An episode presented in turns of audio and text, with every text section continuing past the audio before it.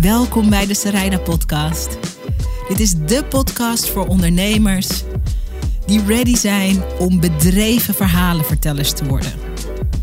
Wat moet je van jezelf laten zien, zodat de mensen voor wie jij een verschil kan maken echt snappen wie je bent en wat je kan betekenen voor ze?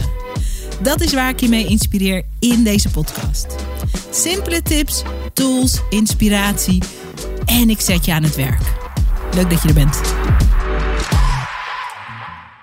Hij is al heel lang, en als ik zeg heel lang, dan bedoel ik echt heel lang, een superbekende radio-dj. Ehm, heeft menig rel en schandaal meegemaakt, daar gaan we het ook over hebben. Maar wat je misschien niet van hem weet, is dat hij uh, ook jaren op ballet heeft gezeten. Hij was altijd de shockjock van Nederland, zo noemden ze hem. Maar de laatste jaren gaat zijn leven vooral over ontwikkeling en over spiritualiteit. Heeft hij een prachtig platform voor opgericht, Koekeroe. Met net ook weer een nieuwe podcastreeks die hij samen maakt met goede vrienden Bentinho Massaru en Thijs Lindhout. De wereld ontwaakt. En met hem ga ik vandaag praten over het lef dat je moet hebben om consistent al jaren in het zicht je te ontwikkelen. Ik vind het heel leuk dat hij er is. Ik denk dat ik er heel veel van ga leren. En voor iedereen die deze podcast vaker luistert, dit is de podcast die je te luisteren hebt, deze aflevering. Als je weet dat je meer te brengen en te geven hebt, maar je durft niet zo goed. Omdat je bang bent dat mensen het misschien niet zo goed zullen begrijpen, er iets van zullen vinden of misschien zelfs wel die angst om gecanceld te worden. Giel, Giel Belen, wat fijn dat je er bent. Ja, leuk te zijn. Leuk, Echt hè? superleuk, ja. Het is een beetje alsof we weer terug in de tijd zijn. Ehm, Reunited. ja, reunited. Voor de mensen die dat niet weten. Giel en ik kennen elkaar eh, van BNN. Ja. Eh, way back toen ik net begon met radio. Ehm, ik had al een hip-hop show gepresenteerd voor Lijn 5. En daarna kreeg ik de kans om eh, een show over de liefde te maken op Radio 1. Dat programma heette Lust. Ja. En ehm, mijn toenmalige leidinggevende die zei... ik vraag anders wel of Giel Belen een paar shows wil luisteren... om je feedback te geven. En zelfs als ik dat nu nog zeg... dan voel ik mijn hart weer in mijn keel kloppen. Maar ik vond het ook heel eng, want als ik daar nu aan terugdenk, zie ik mezelf echt nog zo'n beetje zo dartelen in zo'n soort studiootje daar bij, bij BNN. Ja, En, en ja, ik riep maar wat dingen, maar ik vind het nog steeds super moeilijk om te coachen, omdat ik wel een hoog, ja, wie ben ik, weet je wel? Het, oh, iedereen moet gewoon doen wat hij of zij wil. Maar ik vond het wel, ik, ik bedoel, en dat heb je nog steeds, het, de passie knalde er vanaf en de wil om dat echt super goed te gaan doen. wauw, dank je. Ja, dat was, was, eh, ja, was Wat mooi. grappig dat jij dat ook spannend vond. Ja, Voor mij was het zo. ehm, je ging een aantal shows beluisteren. Ja. En kijk, voor de mensen. eh, dit is echt jaren geleden. Ik denk 2008, 2009, zoiets. Ja. Ehm, en, en Giel, jij bent een icoon. En ik begin dan net in de nacht op de radio. Eh, het schuurt nog aan allerlei kanten. Ik ben nog aan mijn stem aan het vinden. En jij gaat meeluisteren. En ik vind dat heel spannend. En ik weet ook nog, die show ging over de liefde en dus over, over seks ook, seksualiteit. En je had een stukje aflevering geluisterd van een show die ik had gemaakt over seksueel geweld, waar ik een soort coming out had. Mm, weet je dat nog? Ja, ja, ja. waar ik een coming out had over mijn eigen ervaring met seksueel geweld. Dus dat thema was heel spannend. En ik had het gevoel alsof iemand had gezegd. Eh, dit is de koning van de radio. En ga maar naakt voor hem staan. En kijk maar of je er iets van vindt of niet. en je was zo mild. En je was zo ehm, ook helder. Hè? Ik bedoel niet mild als in van please of zo. Maar je was zo. eh, en je, je prees me om mijn kwetsbaarheid. Juist om mijn trillende stem. Want het was een show die heel beladen was, emotioneel. En da, dat heeft mij echt iets gegeven Ah, toen. Ik heb dat altijd bij me gehouden. Ja. Maar dat is ook, ja, we komen snel tot de essentie. Eh, als het gaat om, eh, ja, waarom een hoop luisteraars, ondernemers natuurlijk hier eh, regelmatig naar luisteren. Ja, dat is natuurlijk waar het om gaat. En dat is ook gelijk het moeilijkste. Maar dat is echt jezelf laten zien. En dat deed jij toen notabene met echt een super gevoelig iets. Topic, ja. Ja, en, en, en ja, dat is, dat is gewoon altijd bij mezelf ook nog steeds een beetje het, het rare, cringy gevoel dat je denkt: nee, ik moet dit beschermen, want dit zou me pijn kunnen doen, hier kan ik geraakt worden. En dan ga je, tenminste als ik naar mez- over mezelf praat, gewoon heel erg een, een, ja, een harnasje daaromheen proberen te bouwen. Terwijl je eigenlijk het minst kwetsbaar bent op het moment dat je de deuren openzet en het gewoon laat stromen. Want dan kan je helemaal niet. Nee, dan kan je wel geraakt worden, maar op, niet, niet pijnlijk. Dan, dan blijft je essentie gewoon uh, intact. Want het stroomt. In plaats van dat je de hekken om gaat zetten, het gaat beschermen en denk, oh, ja, de kans dat het dan ja, eigenlijk uh, wordt aangevallen of pijn gaat doen, is veel groter. Oké, dit vind ik super interessant. Ik ben heel nieuwsgierig naar uh, jouw eigen ontwikkeling hierin. Ik ben ook op bezoek, op zoek uh, naar hoe krijgen we dat in de praktijk zo. Maar ik denk dat je eigenlijk nu meteen al in de eerste drie minuten of zo de kern van, van deze aflevering ook te pakken hebt. Namelijk dat je bent eigenlijk in bescherming. Je bent beschermd als je je blootgeeft. Hoe meer je blootgeeft, hoe meer je beschermd wordt. En het is van jou extra interessant om te horen. Omdat iemand kan dat wel aanreiken als een soort hoogover theorie. als een soort, als soort tegelwijsheid. Ja, van uh, in kwetsbaarheid zit alle kracht. Maar jij maakt natuurlijk regelmatig aan de levende lijven mee. Uh, dat je geeft jezelf. En niet iedereen snapt het, niet iedereen wil het begrijpen. Mensen hebben er een oordeel over. Um, mensen hebben je gecanceld, willen je mhm. cancelen, vinden dat je Heerlijk, gecanceld jongen, moet worden. jaren gecanceld. Je bent al jaren Ontastbaar. Ja, laten we daarover praten ook. Ontastbaar, want gecanceld. I think that's in, misschien een boektitel. I don't know.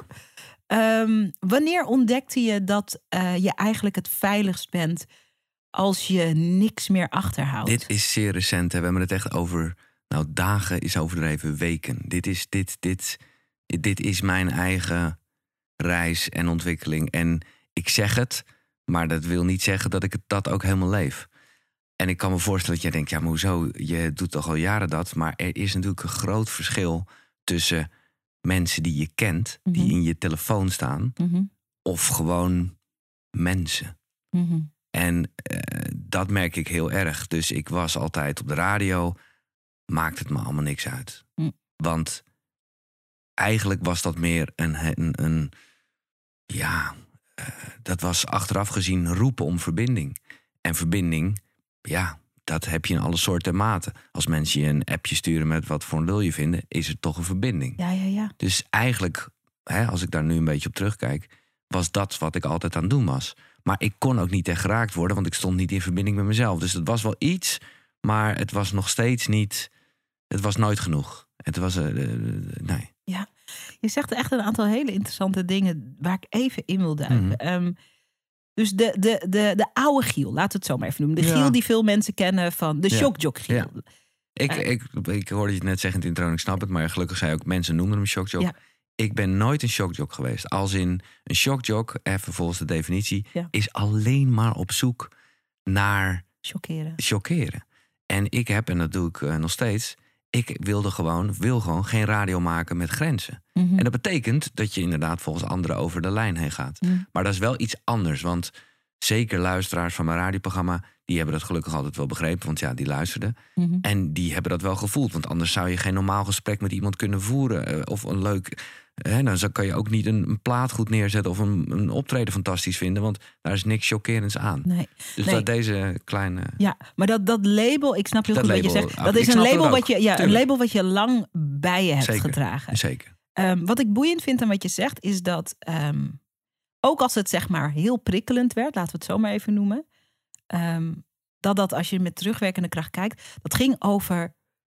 Uh, een poging tot verbinding. Wat wilde je waarmee verbinden in die tijd?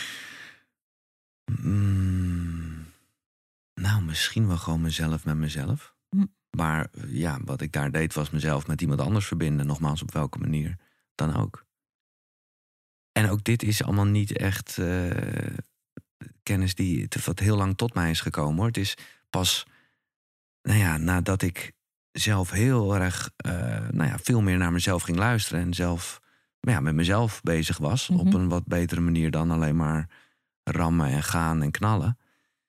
Dat ik ineens dacht van, oh ja, dat is, eigenlijk snap ik ineens wel waarom ik überhaupt bij de radio wilde als klein jongetje. En waarom ik, ja, daar, ja, dat dat gewoon voor mij duidelijk de, ja, het, de passie, gewoon het leven was dat, hè. Mm wat ook echt eh, achteraf gezien uh, misschien een beetje too much was. Maar dat was gewoon, ja, verbinding zoeken. Verbinding zoeken. Ja.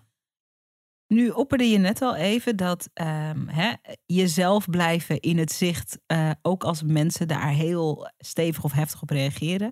Je maakt daar natuurlijk nu echt heel specifiek ook iets in mee. Hè? Je Mhm. ehm, Ja. hebt, ja, vertel, vertel even in je eigen woorden, want ik vind het ook nog best wel moeilijk om het samen te vatten. Ja, ja. Wat, wat speelt er nu op het gebied van. eh, Nou, het sluit hier mooi op aan. Dus ik, eh, oké, ik zal even heel snel wat anders doen. Er zijn ook natuurlijk nog luisteraars die allemaal denken, eh, die nog steeds denken, waar de fuck heeft Sarayda die gast uitgenodigd? en ja, dat snap ja, ik ja. en dat vind ik mooi. Ja. Maar op een gegeven moment vond ik radio niet meer zo leuk.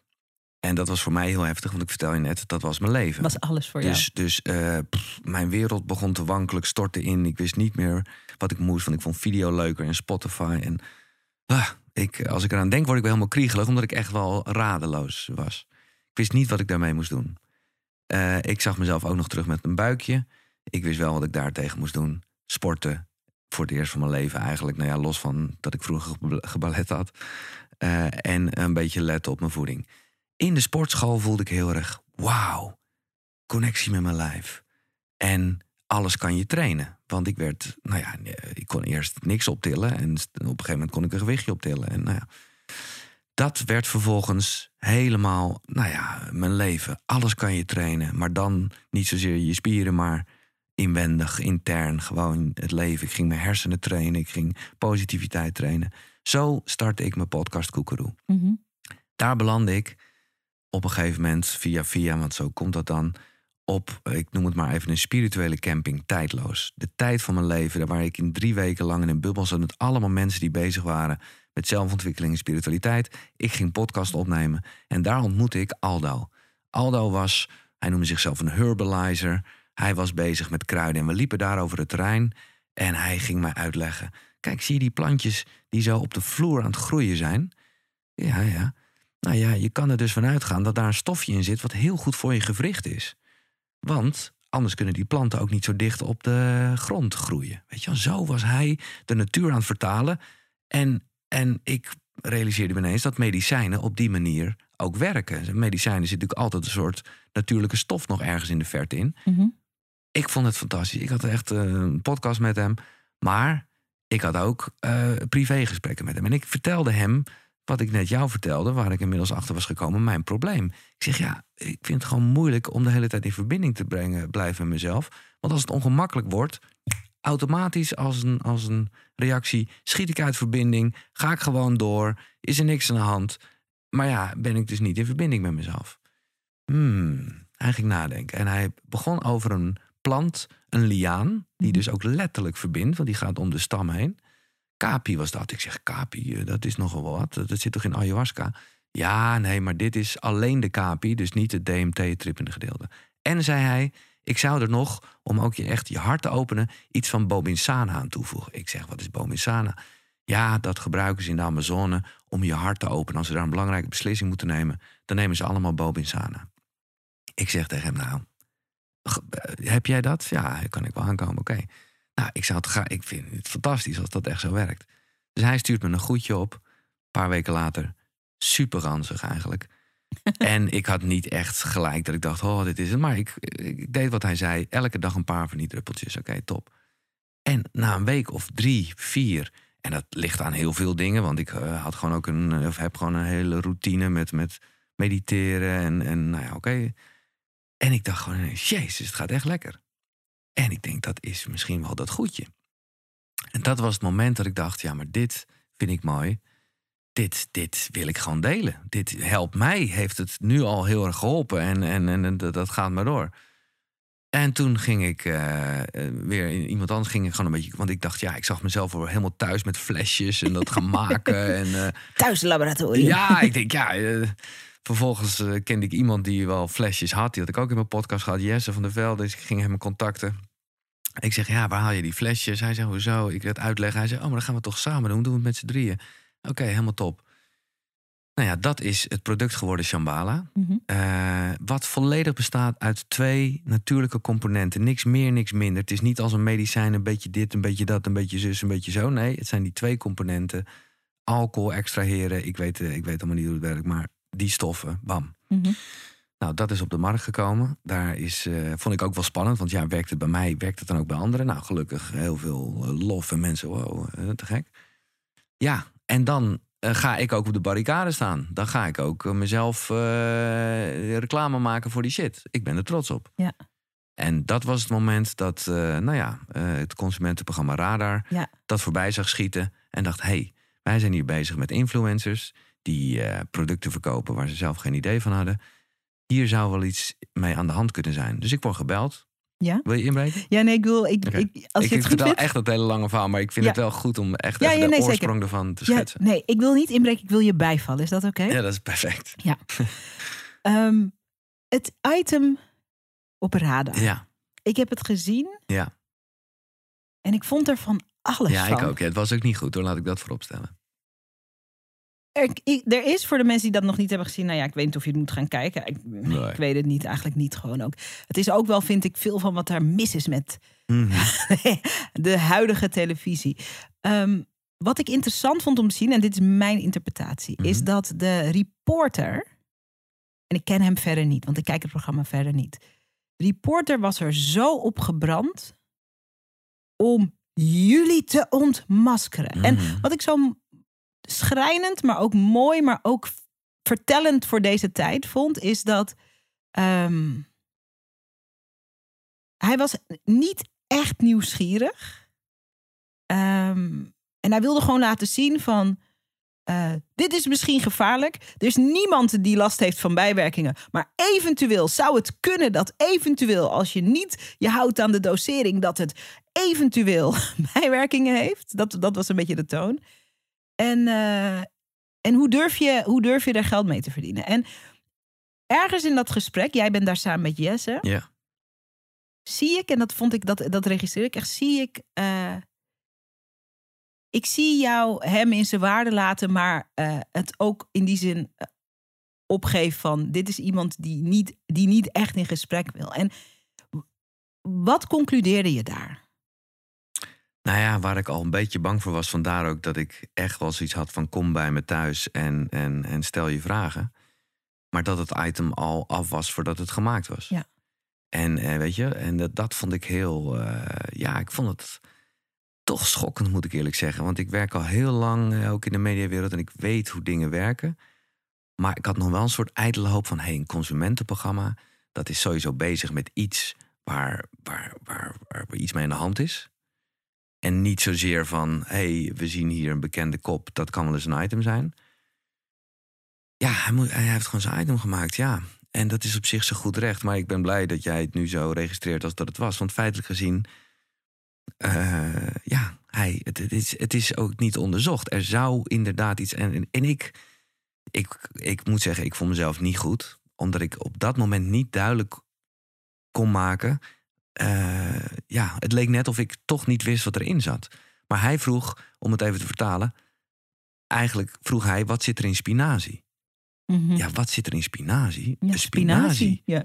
Ja, maar er zit ook ijzer in. Er zit, ja, ja, ja, dat snap ik. Maar dat, er zijn duizenden stoffen die in spinazie, in dit geval in capi en in bomissane zitten. Dus ja, ik weet niet al die stoffen. Het Ja. zijn gewoon die twee stoffen, punt. Ja, ja. Maar ja, het blijkt dus, en dat wist ik ook wel, want ik zal je eerlijk zeggen, ik ben ook niet gek. Ik heb eerder met Jesse en Aldo contact gehad, een paar maanden geleden. En toen zei ik, jongens, eh, over een paar weken staat Tim Hofman eh, voor mijn deur. En met zijn microfoon. En die gaat gewoon zeggen dat wat jij verkoopt is slootwater. Dat doet helemaal niks. Is niet wetenschappelijk bewezen. Dat is altijd een mooie, hè? Want er is natuurlijk zo fucking veel niet wetenschappelijk bewezen. Maar goed, dat gaat hij zeggen. En wat ga ik dan zeggen?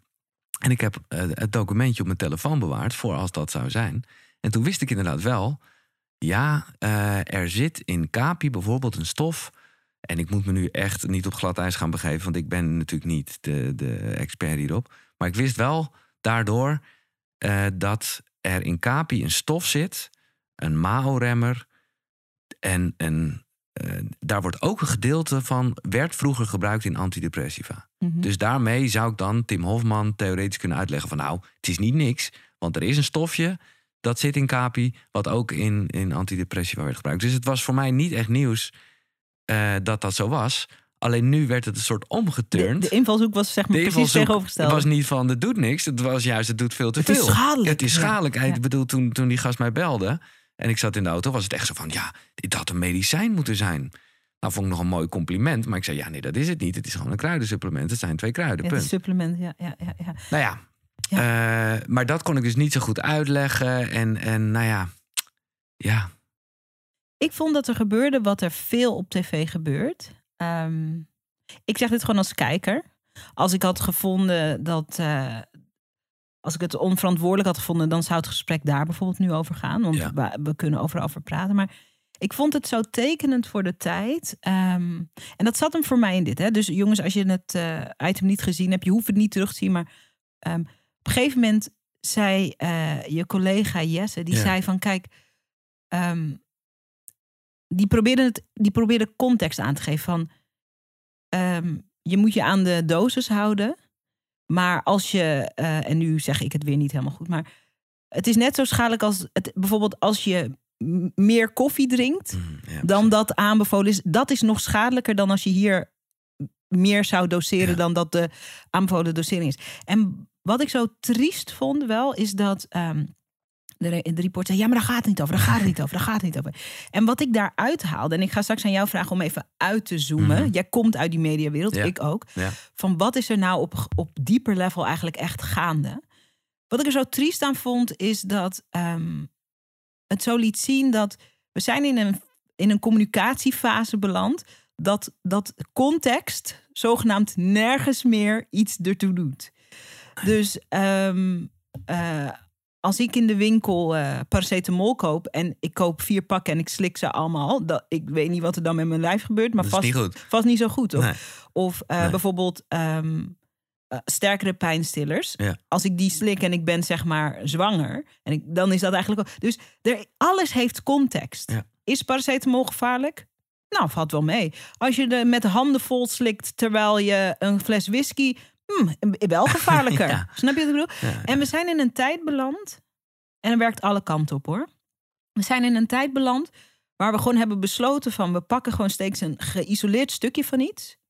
Dan gaan we gewoon keihard op lopen stampen. Het liefst ook degene die verbonden is aan dat vierkante stukje centimeter van het verhaal. Lekker in de grond begraven. En eh, daarmee maken we de wereld een betere en veilige plek. En ik moet ook lachen, omdat het is. Het is zo verarmend. ja, Het is zo verarmend. En ehm, als ik aan jou vraag, want wij komen uit die mediawereld, jij nog veel meer en langer, Ja. en jij zit er ook nog in, want Ja. je bent natuurlijk nog altijd eh, eh, radiomaker. Wat what's happening? And why? ja. Grootste vraag.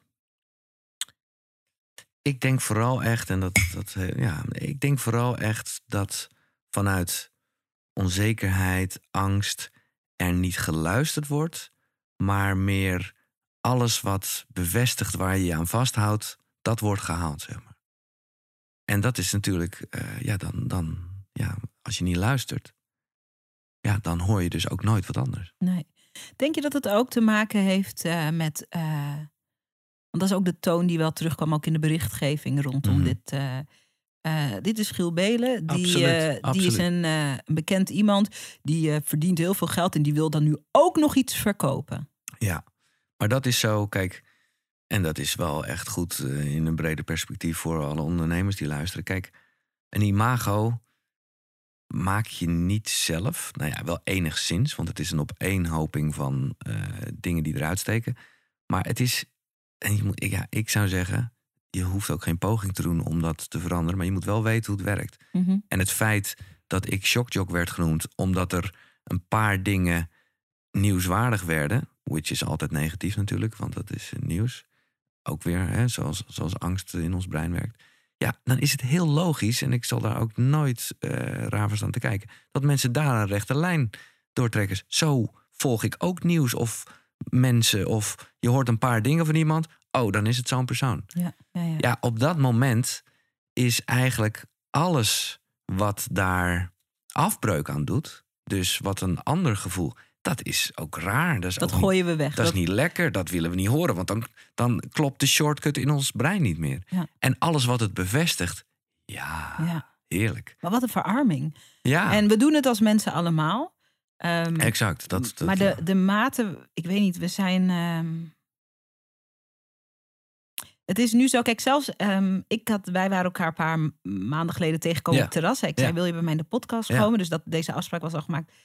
En ik hartstikke blij dat ik in de podcast was. En ik wist ook meteen, er zullen mensen zijn die het niet oké vinden dat ik jou uitnodig hier in de podcast. En dat zal zelfs zo ver teruggaan als, weet je nog dat hij in 2010 bij de Mobo Awards Ja, zijn ja, gezicht zwart had geverfd? Ja, En weet je nog dat hij eh, met Sylvana toen die rel had? absoluut. En Maar het is echt, het, het is, het is een goed recht van iedereen en ik snap het volledig. Maar wat ik er, kijk, wat ik er, en de reden dat je hier juist wel zit, wij kennen elkaar natuurlijk ook persoonlijk. Je zit er ook omdat we juist over al die dingen Mhm. kunnen praten. Ja, graag ik kan jou vragen over Ja. hoe zat dat destijds. En we Ja. hebben daar ook over gepraat en we kunnen dat ook live doen. Maar de verarming vind ik dat. ehm, we zijn dus in een soort. eh gedachtesysteem beland dat je kan nu alleen nog maar met mensen praten die het op alle vlakken de hele tijd de afgelopen, laat zeggen, twintig jaar Ja, met jou eens zijn ja geweest. precies. Die bevestigen hoe jouw... Want eh, het is ja. ook zo dat we hebben natuurlijk veel van wat we zeggen is ook opgeslagen, social media. Ik kan een tweet van jou terugvinden van tien jaar. Dus en waarom dat zo triest is, is omdat ehm, dat betekent dus dat we ons helemaal niet kunnen ontwikkelen. En dat, Nou ja, je, dat kan je zelf wel, Ja, maar de vraag, is, de vraag is of anderen dat zien. of, ja, of dat, dat het wordt moeilijker om dat in het zicht te doen. Ja. Hè, Kevin Hart die gecanceld wordt van, vanwege een tweet van tien jaar geleden, waarvan hij zelf zegt. Maar dat was niet de context en ik heb Nee. het niet goed gedaan. Nee. Dus die, dat, dat hele, Ja. die hele context waarin waar menselijkheid belangrijk in is. Dat is gewoon van, dat telt niet. dat telt allemaal niet. En ik weet, en ik vind, ik vind het interessant om van jou te horen, hoe voelt het eigenlijk om gecanceld te worden? Ja. Voordat we daarin duiken. Mijn eigen ervaring met gecanceld worden, dat was, eh, ehm, ik werkte toen nog bij BNN.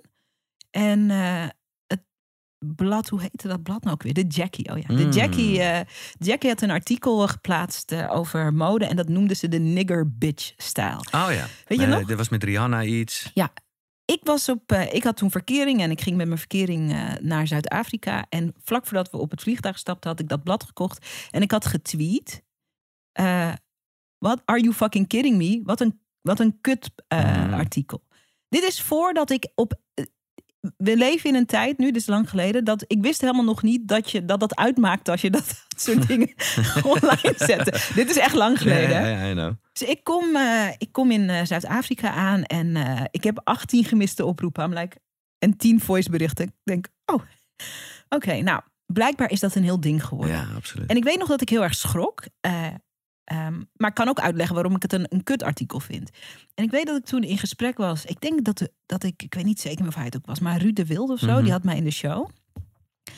En eh telefoontje dus vanuit Zuid-Afrika. En, en het ging er alleen maar over. Het ging helemaal niet over dat topic, ging niet over racisme. Het ging alleen maar over wie dacht ik wel niet dat ik was om überhaupt iets te zeggen. Spuiten en slikken presentatrice die in haar onderbroek eh, door het beeld loopt. Ah, wauw. En ik weet niet zeker meer, Ruud, als je, ik weet niet zeker meer of het Ruud de Wild was, maar ik dacht het wel. Mhm. Ehm, en ik weet nog dat ik toen ervaarde van, het wordt meteen, ik word zeg maar als mens Ja. Meteen aangevallen. Het gaat eigenlijk helemaal niet meer over het idee. Het gaat Nee. helemaal niet over de Shambhala. Nee, Het gaat over nee, Giel, die eigenlijk ja, een ja. oplichter is. Het gaat helemaal niet over Ja. eh, het gebrek aan diversiteit in bladen. Het gaat over dat, eh, dat deze spuiten en slikken presentatrice eigenlijk de bek moet houden en zo. En, eh, en ik weet nog dat ik... I was shocked. Dit is lang geleden. I was so shocked dat ik denk... Toen later zeiden ze, ja, we gaan jou en de hoofdredacteur van het blad tegenover elkaar zetten in een, in een, in een, Debat, eh, ja, in een debat. En dan eh, he- helemaal weggedreven van waar dit eigenlijk over ging. Ja. En helemaal op de man gespeeld en rel. Ja. En dat was mijn ervaring. was een heel kleine ervaring vergeleken met wat jij allemaal meemaakt. Maar eh, toen dacht ik, oh ja, dit is, dit is wat het is. Het wordt gestript van enige context. Het gaat ook niet meer over het onderwerp. Nee. Maar we gaan het. Het moet er gewoon. Het moet op de man gespeeld worden. En het moet sensationeel zijn. En er moet iemand kapot gaan. Ja, Dat maar, is eigenlijk de intentie. ja, maar wat ik nu wel dan eh, heel erg voel, eh, als jij dit zegt, en dit herken ik gewoon heel erg bij mezelf, is dat eh, het heeft je geraakt omdat je zelf ook onzeker was over één dingetje. In dit geval, ik presenteer spuiten en slikken en ik sta daar in mijn, blootje, ik weet het niet. Wat Nee, niet in blootje. Nee, in mijn maar- onderbroek. Ja, bijna hetzelfde. Want dat heb ik gewoon zelf ontzettend gemerkt met kritiek. En daar, eh, daar, daar gaat het dan een beetje over. Dat je eigenlijk alleen maar door kritiek geraakt kan worden. op het moment dat je er zelf onzeker over bent. Oh ja, ja. Als ik tegen jou zeg: wat een mooie gele trui. denk jij. Die ik gast, niet aan heb. Nee, Ja. precies. Dan denk jij: gast, vind jij het een, of een, laat ik zeggen, een lelijke gele trui? Dan zeg jij: dan, dan zeg jij oké wat jij wil. Ja. Want het is namelijk geen gele trui. Dus je, dus je denkt ook, prima. En, maar ik moet erbij zeggen, dat is wel het verschil. We hebben het hier ook wel voor ondernemers. Kijk, je wil natuurlijk wel dat je merk... Je kan wel weten dat het, eh, hoe het zit. eh, maar je wil wel dat je merk eh erboven staat. Maar in de basis gaat het er wel om... weet je zelf hoe het zit. Ja. En als En- het gaat over... en ik voel toch ernstig de behoefte... om in twee zinnen Mobile Awards en Sylvana uit te leggen. Ja, doe het. Mobile Awards. En het is fucking dom, hè? Dat begrijp me niet verkeerd. Music of Black Origin. Ik kom naar die avond met een andere discjockey. En wij denken, ah, we hebben ons niet echt lekker... We zitten niet echt in een soort style. Iedereen was daar helemaal mooi eh, gekleed. Wij hadden dat niet echt. Oké, wij zeggen bij de visagie daar, last minute idee. hey, misschien kan je ons donker sminken. Eh, want ja, het is Black Origin, wij zijn dat niet. Wij gekomen woord uitreiken, oké. Zij doen dat. Eh, Oh, eh, ik eh, mag notabene het Talent Award, altijd de meest belangrijke award, uitreiken. Want die heeft het echt nodig. Mhm. Dat voel ik me nog steeds kut over voor diegene. En ik kom daar oplopen en pff, een soort stilte. En je voelt, oké, this is wrong shit. Mhm. Nou, oké, het is eruit geknipt. Daarom voel ik me schuldig over. En vanaf dat moment, en dit is echt drie, vier, vijf jaar voordat Duitse Kroes of Quincy een keertje bij eh eh, S'avonds Pauw en Witteman eh, een, een discussie ging beginnen over Zwarte Piet. Hè? Blackface, ja. Precies. Want de term blackface, ja, het is mijn eigen onderontwikkeling. Ik had er nog nooit van gehoord. Het zei jou niks in die Het zei mij niks. Ik, heb, ik was heel blij, want eh Joey van Relax, misschien ken je hem nog, nou ja, whatever. Die reed met me mee vanuit Haarlem. Donkere jongen. En ik bedoel, mijn vrienden, die wisten gewoon echt wel dat ik dit niet kon weten. Maar hij begon inderdaad over blackface en hoe er ze waren van vroeger artiesten die dan. Ja, ik- hele wereld die daarachter zit. Wauw, ja, jongen. ja. en ik ging daar, want dat doe ik altijd. Ik ging dat gelijk delen, ook op de radio. Van shit, wat mij gebeurd is, jongen.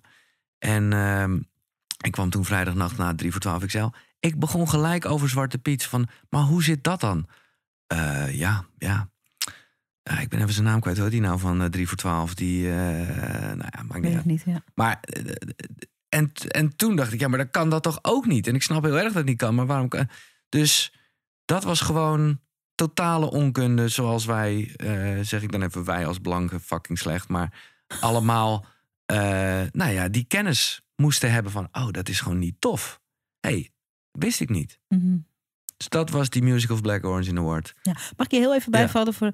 Kijk, wat ik interessant vind aan wat je deelt, want ik weet het nog, ik was ook bij die, eh, Ja, ik was ook bij die. Ja. Ik was erbij toen de zaal echt zo. Oh toen man. dat, ja. Ehm, en kijk, wat het is, kijk, ik ben natuurlijk een zwarte vrouw. En ik weet vanaf dat ik nul ben ongeveer.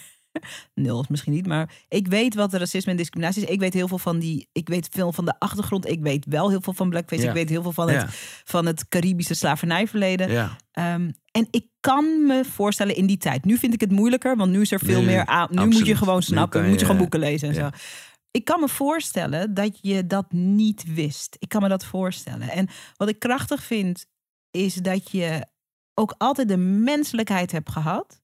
En dat is eigenlijk ook waar deze show, deze aflevering over gaat. Om, om ook te komen met: eh, dit weet ik niet, dit snap ik niet. Dit zie ik nu anders. Ehm, dat is een groot goed om hardop te kunnen zeggen: Oh, fout gaan. Oh, klopt niet. Niet goed gedaan. Eh, dat durven heel veel mensen niet.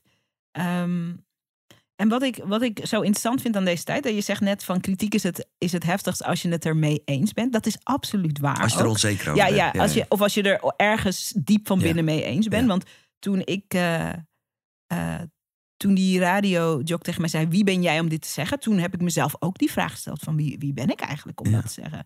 Ehm, en dat was ook, heeft heel, tot heel interessant onderzoek geleid. En ik heb mezelf toestemming gegeven. Ik mag het over dingen hebben als ik het belangrijk vind. Precies. Ik zeg ook niet dat mijn, eh, wat ik vertelde waard is. Het is mijn beleving. Eh, dus dat is ook, die wrijving is soms ook goed om te groeien. Is interessant ook. Ja. Ehm, Absoluut zelfs, ja. maar deze buigzaamheid die we bespreken... zit natuurlijk niet in de tijdsgeest momenteel. Nee, En, ehm, nee. en dat maakt het uitdagend. Dat maakt het alleen, ja precies, want dat is, dat zeg je mooi, want, dat, want het is echt heel polariserend, eh, links of rechts, wit of zwart. eh, en dat kan, dat kan of mag niet grijs meer zijn, omdat daar een soort, ja, eh, het mag geen vraagteken zijn. Nee, Dat nee. is heel heftig. Ja. Andrew Makkinga, ik wilde toch even zijn naam noemen. Met hem had ik fucking goede gesprekken daarna over dat hele Zwarte Piet verhaal. En daar voelde ik ook wel toen van, ja, daar is iets, maar daar hebben we het gewoon even niet over. Eh nou, gelukkig en is het daar wel over gegaan. En, en dan kan ik hier gewoon clean zitten, hopelijk voor, eh, nou ja, en wij hebben het denk ik wel eens over gehad. Sylvana, dat is de grootste fout in mijn leven geweest, waarbij ik echt nog altijd een intense pijn voel Mhm. omdat daar ik nu echt snap dat mensen oprecht denken, en, dat, en, ik, en ik heb het ze gegeven, dat het in mijn brein zo werkt dat ik Sylvana een aap zou hebben genoemd. En Mhm. dat is, ja, weet je, dat, dat is echt, eh, ja, super pijnlijk. Maar ik heb, ik heb het voer gegeven. Wat mensen, of wat veel mensen niet meer weten, en want, ik, want mijn ding werd volledig groter dan de rel die speelde met Johan Derksen. Johan Derksen had haar een aap genoemd. Mm. Dat was wat er aan de hand was. Mhm. En ik heb daar, ik vond dat echt heftig. Ik vond dat echt niet kunnen, want het was zogenaamd een grapje, maar dat is fucking echt geen grapje. Nee. Dus ik doe daar veel mee in mijn radio-uitzending. En in de laatste seconde van mijn programma, ja, het is echt. Ik, ik, ik, oh man, ik had dit zo terug willen draaien. In, mijn laatste, in de laatste seconde van mijn programma eh, heb ik een item met degene die na me komt. Waarbij we cryptisch een plaat uitdelen. Hij draait de gorilla's. Dus ik start apengeluiden in. En vlak voordat de ster komt, helemaal in mijn hoofd, weet je, radius associëren. Waar heb ik het de hele ochtend over gehad? Johan Derksen noemt Sylvana een aap. Dus ik zeg rustig Sylvana. Auw. Mhm. Het is echt, het is ook niet goed te praten. Ik geef hier een verklaring, maar het is, het is nog, het is, nou ja, als ik het vertel, dan cringe ik weer helemaal en denk ik, wat een kutopmerking. Maar het is, dat, dat, ik voel toch ernstig de behoefte om dat wel even te duiden. Het is dus niet zo, wat ik later wel heb begrepen van mensen, en dat snap ik, dat die zoiets hadden van ja, hoezo, hoezo denk jij bij een aap aan? Weet je, jij legt die link. Mhm. Nou, ik legde niet die link. Maar dat, nogmaals, praat het echt niet goed. Ik ben blij hè, dat Sylvana het snapte, hoe kut het ook was. Mhm. en, en- maar ja, deze doet me altijd nog heel erg pijn. Omdat als ik, ik bedoel, ik ben een teringleier, ik ben schaamteloos, ik ben grenzeloos. Maar ik, ik, ik, laat wel ieder mens in zijn waarde. Altijd. Mhm. En wel echt op zoek geweest naar effectbejag en, en, en mensen beledigen om te kijken wat de reacties. Alles, maar niet zo mensonterend. Mhm. Tot zover. Ja, dank voor het delen. Ja. Wat, wat, wat gebeurt er, of hoe... ehm, want ik zie ook, kijk, wij zitten Nou ja, samen in de studio. Oké, laat ik er nog iets over zeggen. Ook om het wat breder te trekken naar wat er gebeurt met je bedrijf of je merk op het moment. nee, nee, Dus- dat, oh, wil, nee dat oh. wilde ik eigenlijk. Oh. Daar kunnen we zo op komen. Nee, daar kunnen we. eh, maar dat, dat is zeker ook interessant. Dat is niet wat ik wilde vragen. Kijk, ik merk de emoties spatten vanaf. Ik denk dat als je thuis zit te luisteren, eh, of in je auto of waar je ook aan luisteren bent, dat je dat hoort. Ik zie het echt. Ehm, is er sindsdien. Is dat een moment geweest voor jou? Een soort sleutelmoment waarna, de, waarna er dingen veranderd zijn? Ja. Op een slechte manier overigens, later een goede manier. Kan je daar wat over vertellen? Ja, dit was, dit was een beetje het begin ook van de tijd waarbij ik radio minder leuk begon te vinden. Oh, Ik, het is het einde geweest van de ochtendshow. Niet omdat dit gebeurde, want dat was al in gang gezet. Ik had gewoon zoiets van, ik moet hier stoppen. Misschien is het gewoon verveling. Ik vind radio niet meer zo leuk. Dus laat ik wat anders doen. Nou ja, dat was gewoon heel erg dat proces. Dus ook niet echt helemaal connected met mezelf. Mhm. En in plaats van dat ik gewoon dit nu uitleg op een relaxte manier. En gewoon denk, fuck you. Ik hoef helemaal niet meer excuses te maken. Het zit zo en zo. Ik weet hoe het zit. Jij weet nu hoe het zit. Punt. Maar het was een moment dat het radiostation waar ik voor werkte ook ging niet lekker. Ik ging daar stoppen. Dus later heeft Prem eh, nog tegen me gezegd: Gast, waarom ging jij zo door het stof hierover bij de Wereld Draait Door? Dat was het stomste wat je kon doen. Want ineens kleefde daar eh, ja, zoveel pijn aan. Terwijl als je er gewoon boven had gestaan en gedacht... je lult toch niet? Het was gewoon een referentie naar Johan Derksen grap.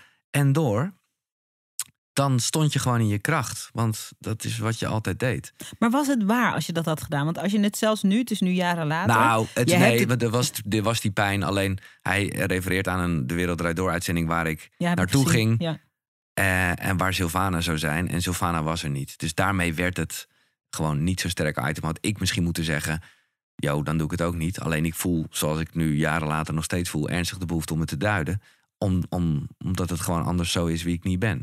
Maar het was wel een periode waarin ik... Nou ja, minder sterk in mijn vel zat. Ook minder werd gedragen door mijn bazen. Er was, dat was dus... Het zat een beetje in een vrije val. Ja, Mhm. ja. Hm. En dat was, eh, ik bedoel, achteraf, zoals eh, zoveel vrijvallen en burn-outs of dingen, hoe je het ook allemaal wel, eh, wat, wat mensen ook hebben. Het is, het is uiteindelijk een zegen en het is uiteindelijk het licht. Om het maar even heel Maar je, te zeggen. ja, je zegt dat nu, maar ik weet zeker dat er iemand zit te luisteren die denkt... Als je je nu kut voelt, dan ben je op de goede weg. Leg eens uit. Ik denk Nou, dat ik je snap, maar ik nou ja, wil, ik dat is wil er een echt beetje- induiken. Ik Ja, wil er ja. praktisch induiken. Nou ja, dat is gewoon, ik kon jou net even heel snel even zeggen van wrijving, glansachtige dingen of moeilijkheid. Eh, Dat, dat is wat het is. Eh, je moet alleen het wel echt op zoek naar gaan en dat niet willen verdoezelen met, nou ja, leuke dingen gaan doen. En of het nou Netflix en ijs is of eh, heroïne eh, of alles ertussen. Het, dat, zijn, dat is het bedekken van de pijn die er is. Of, de on, of het- misschien is het gewoon ontevredenheid of zo. Perfect. Onderzoek het. Waar zit ja, wat, wat is het dan wel? Laten we hier, want dit is eigenlijk stiekem een van mijn favoriete onderwerpen. Er wordt heel weinig over gepraat. Ja, Over hoe crisis eigenlijk een kans is. eh, om, om, om dieper te gaan voelen en ook zelf, jezelf beter te leren mijn kennen. crisis is al, daarom ben ik er zo positief over. Want eigenlijk is dat al heel erg voel iets, voel iets, dit is niet goed. Ik bedoel, de periode eraan voorafgaand is veel verneukeratiever. Want dan is het eigenlijk aan het broeien en je merkt het wel, maar je kan er overheen stappen en er zijn toch ook leuke dingen. Maar een crisis is echt, Je zit het kan niet verder. Ja, je Dat zit is wat je weet. Ja. En dat had je toen dus. Ja, Van het kan niet verder. Ja. En uit dat moment, hè, als we dan een, een sprong in de toekomst maken, of een sprong naar voren, Ja. uit dat moment is natuurlijk heel veel interessants gekomen. Ehm, de- er is een interessante discussie opgeleid. ehm, dus dat is denk ik een ding. Eh, het, was, het waren ook de beginstappen, misschien wel bewust en onbewust, van wat nu koekeroe is en wat de, de wereld ontwaakt is. ja. Maar in een moment, dat is natuurlijk het ding met een storm. In een moment zelf heb je totaal. geen nee, idee. Absoluut niet. En dan heel praktisch, hè? want er zitten mensen te luisteren die nu Mhm. door megacrisis met een E Ja. heen gaan. Eh, relatiecrisis, Ja. eh, ook werkcrisis, eh, gezondheidscrisis. Ehm, wat te doen als je in het oog van de storm bent? Cancelcrisis misschien, dat er mensen zitten te luisteren die zich hebben uitgesproken, zich of verkeerd hebben uitgesproken, of onbegrepen zijn, of gewoon iets onpopulairs hebben uitgesproken. Kan allemaal. Wat te doen als je erin zit? Wat moet je dan doen? En wat moet je vooral niet doen? Nou ja, je moet vooral echt rustig blijven. Wat ongeveer het meest omgekeerde klinkt. Maar ja, eh, als je het vergelijkt met de storm, is natuurlijk het midden van de storm eh, is het windstil. En dat heb ik. En ik zeg niet dat iedereen maar Vipassana moet gaan doen, wat echt tien dagen stilte is. Maar dit kan je ook op kleine schaal doen. En dat is, ja, ik had me nog voorgenomen om het echt allemaal niet zo zweverig te laten zijn. Maar ja, het is gewoon echt wel even stil zijn en let op je ademhaling. En op dat moment kan je heel erg goed nadenken. Tenminste, is mijn ervaring. Want dat hele, je hoeft nergens aan te denken, dat is fijn. Maar je kan ook soms wel even heel focus nadenken. En dan hebben we het gewoon puur over wat zijn de feiten. En dan word je ineens die helikopter. Ben je een, een, een waarnemer van je eigen leven en wat mensen erover zeggen en gewoon van de situatie. Nou en ik denk dat dat altijd zo erg relativeert, omdat je dan gewoon denkt: oh ja, maar, maar dit is. En het neemt niet weg dat het eh, op het moment dat je wel weer erin doorstapt, nog steeds ontzettend eh, vervelend is. Mhm. Dus het is, het is ook niet opgelost. Maar je kan wel even denken: oké, dus eh, er zijn, als het een relatie is, er zijn die twee mensen die elkaar niet meer zo leuk vinden, want er is dit gebeurd. Oké.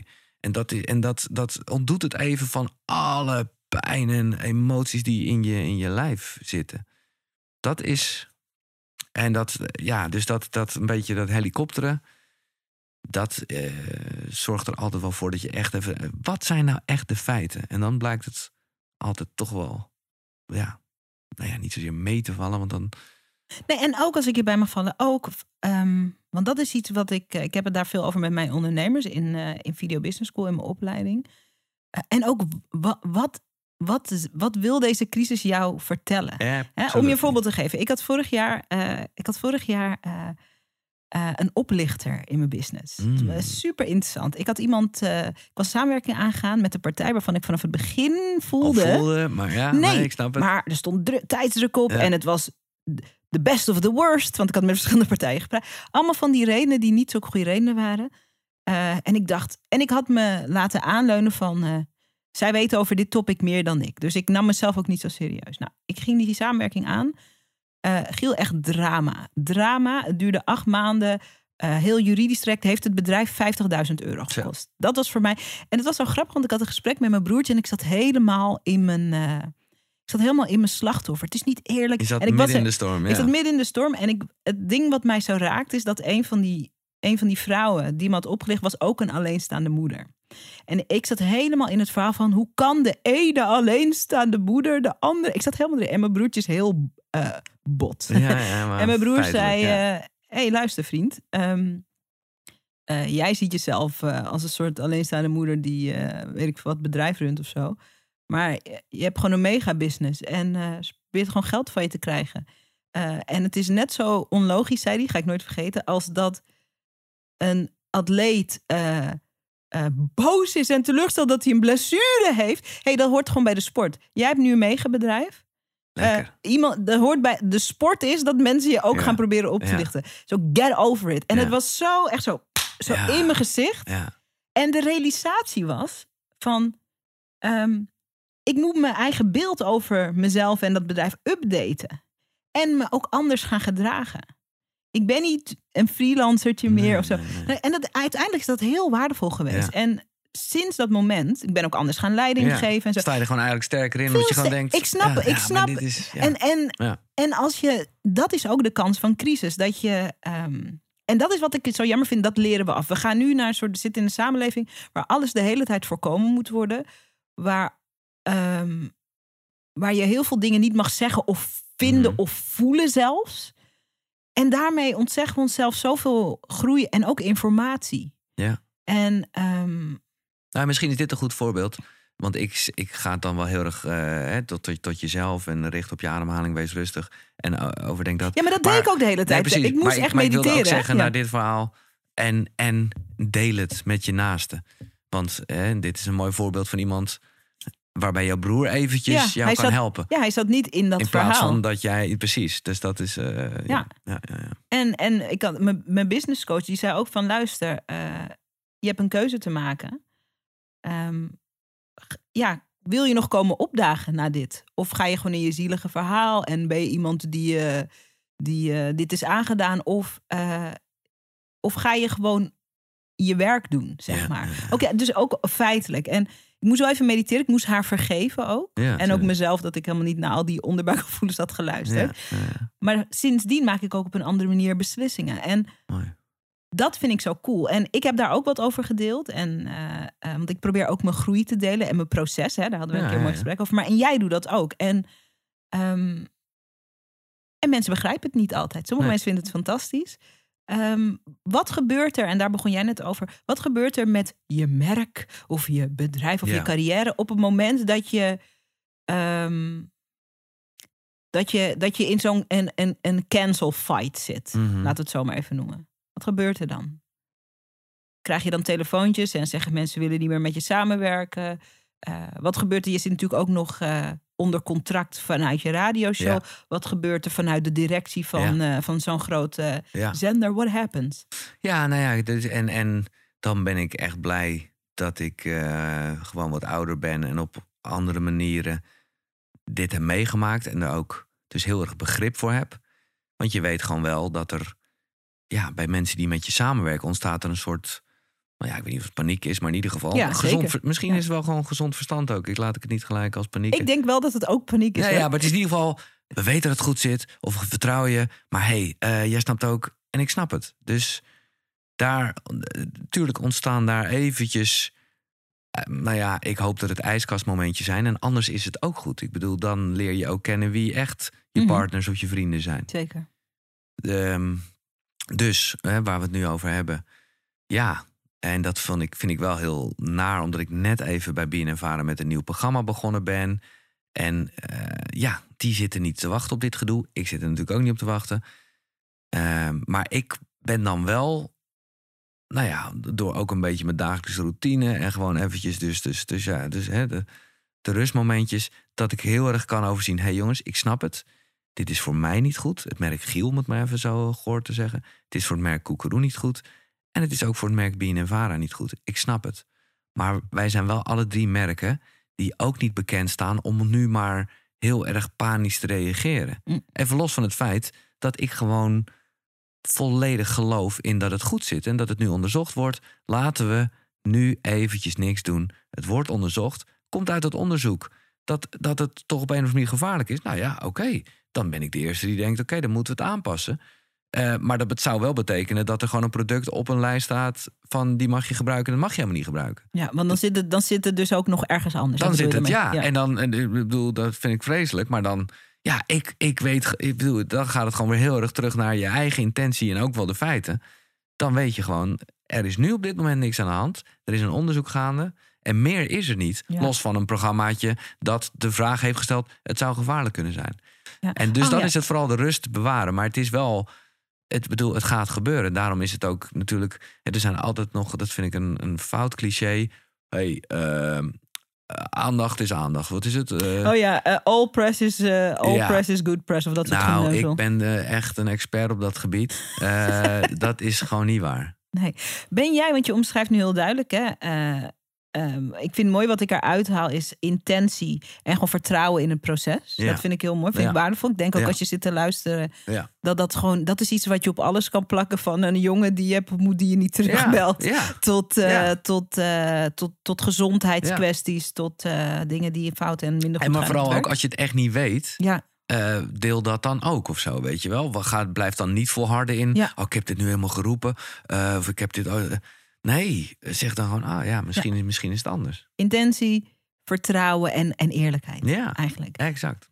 Maar wat jij nu omschrijft, hè, die verschillende partijen, ehm, ben jij daarin die stem van reden? Want zo dat en dat vind, en ben je die altijd geweest? Of is dat ook iets wat zich heeft ontwikkeld? Of, of is- zit iedereen er een beetje zo in en zitten jullie allemaal op die golflengte? Of ben je mensen Nee. echt naar die golflengte toe aan het tillen? Wel een beetje. En ik bedoel, nu klinkt het echt net of ik helemaal hier de wise guy ben die alle wijsheid in pacht heeft. Ik moet daar echt, ook met betrekking tot veel meer radioachtige dingen, mijn beste vriend Jochem echt onwijze credits in geven. Omdat, nou ja, hè, wat, wat, wat jouw broer bij jou deed, eh, dat doet Jochem altijd bij mij. Die kan aan het, dat je hem belt aan het eind van het telefoongesprek, denk je, ja, wat is dan eigenlijk het probleem? Ja. Of, of soms dat het juist echt iets heel positiefs is.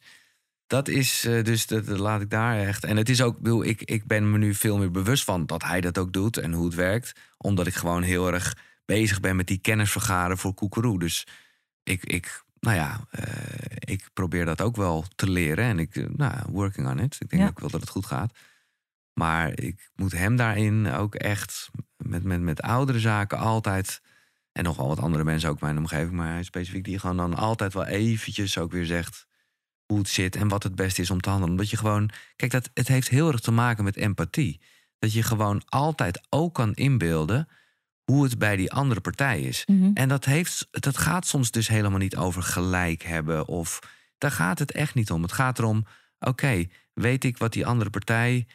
Hoe, ja, als, je, als je dan bedenkt. Wa- wat snap je dan als je dit zegt, als we het even concreet maken? Wat snap jij aan de manier waarop eh, Radar dit item heeft aangevlogen? Oh, dat wat snap, ik als, oh, dat snap ik als mediamaker helemaal. Wat, vertel. Nou, bleek of blijkt. En eh, ik, ben, ik heb het ook gewoon tegen die gast gezegd. Daar was er goud eerlijk in. Ik zei, joh, dit is toch alleen maar. eh, of nou, zo insinueren zei ik niet. Maar het kwam erop neer dat hij eerlijk toegaf. ik wil dat hij, scoren. dat, ja, en dat hij het alleen maar deed omdat ik eraan hing. En ja, dat was een item. Eh, dus dat snap ik heel erg. Ben ik, nogmaals, ik was wel teleurgesteld erin omdat het fucking radar is en geen ponynieuws, weet je wel. Dat je gewoon denkt Ja, van, hé, hey, Ja, het is toch wel een consumentenprogramma.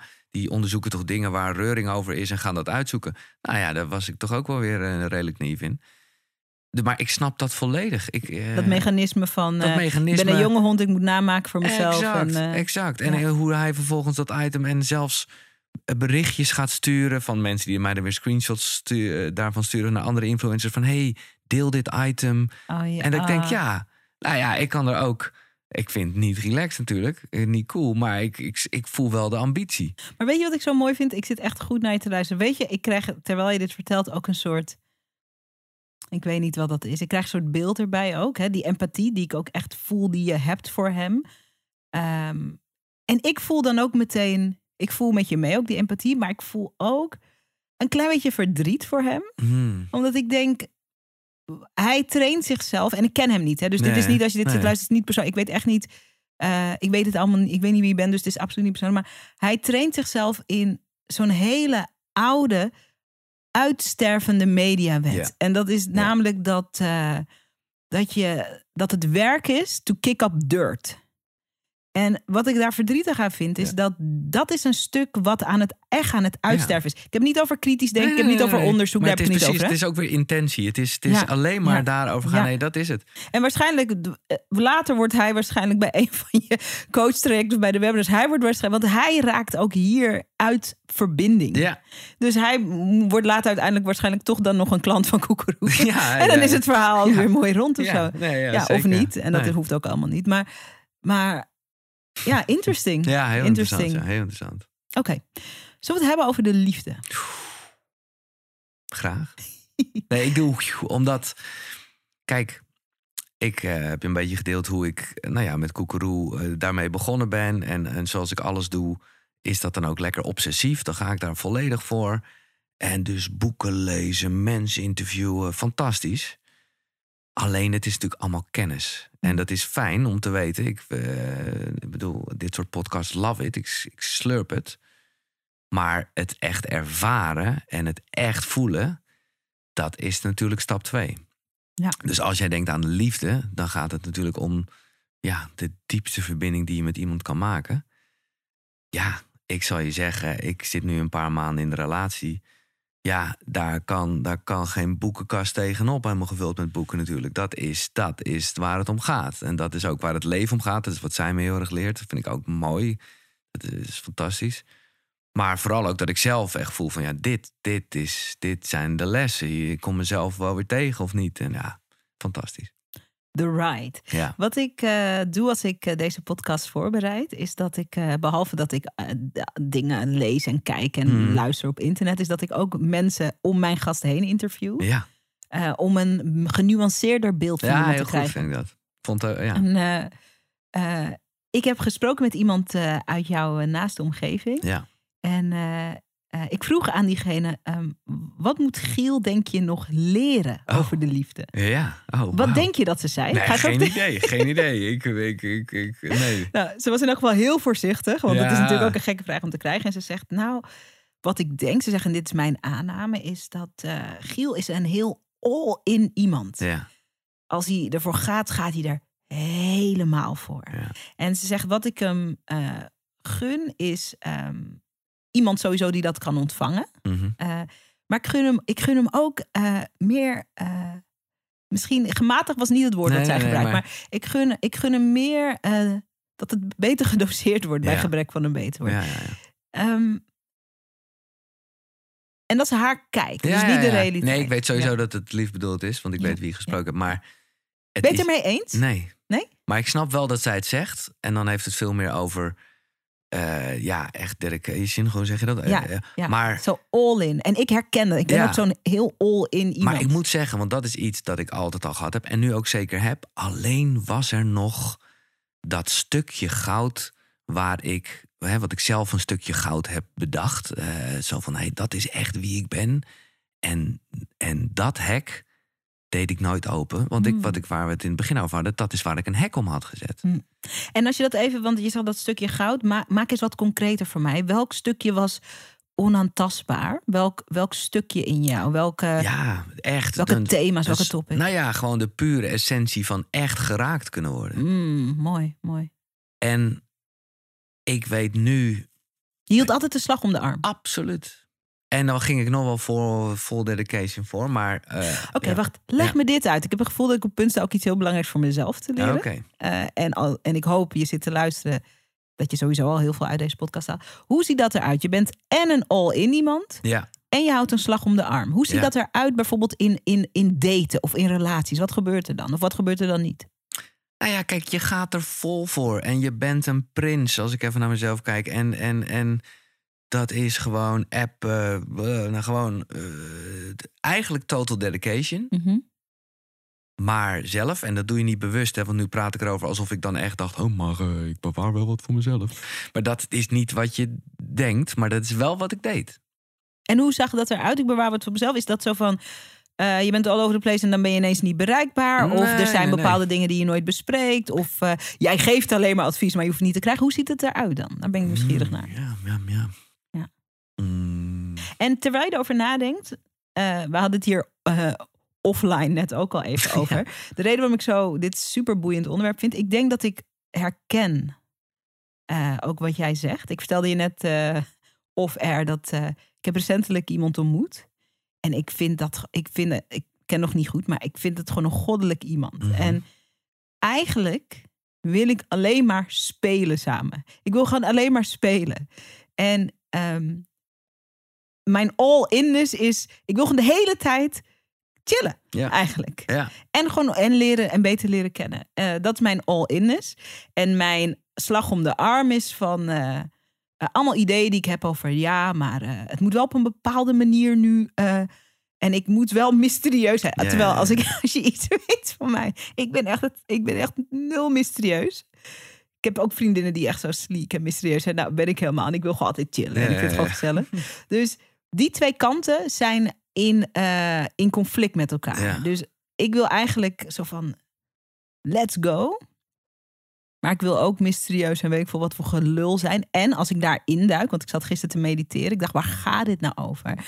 Dan vind ik het gewoon heel spannend dat als ik echt all in ga... dat die ander zegt, nou, ik heb dan nu dat all in gezien... en ik ben gewoon niet zo geïnteresseerd. ja, dat is de. Exact. angst voor afwijzing. Ja, natuurlijk. Dus dat is hoe het bij Ja. mij vorm krijgt. Hoe kreeg, hoe kreeg het bij jou vorm? Nou, ik, want ik zit er even over na te denken en ik dacht heel erg van ja, kut, waarom kan ik het niet uitleggen? Omdat ik het ook letterlijk niet zo voelde. Het was ook, nogmaals, ik zei net ook al, het is niet een keuze die je maakt. En ik denk gewoon, wat ik heel erg de afgelopen tijd geleerd heb, is dat je eigenlijk pas verbinding met iemand kan maken op het moment dat je verbinding met jezelf hebt. En ik durf wel te zeggen dat ik dat gewoon heel lang niet gehad heb, waardoor ik dus nog steeds full dedication eh, ja, het, het fijn vond, omdat ik dan wel iets van een verbinding voelde met iemand. Maar omdat ik niet verbonden was met mezelf, of niet, ja, weinig, Mhm.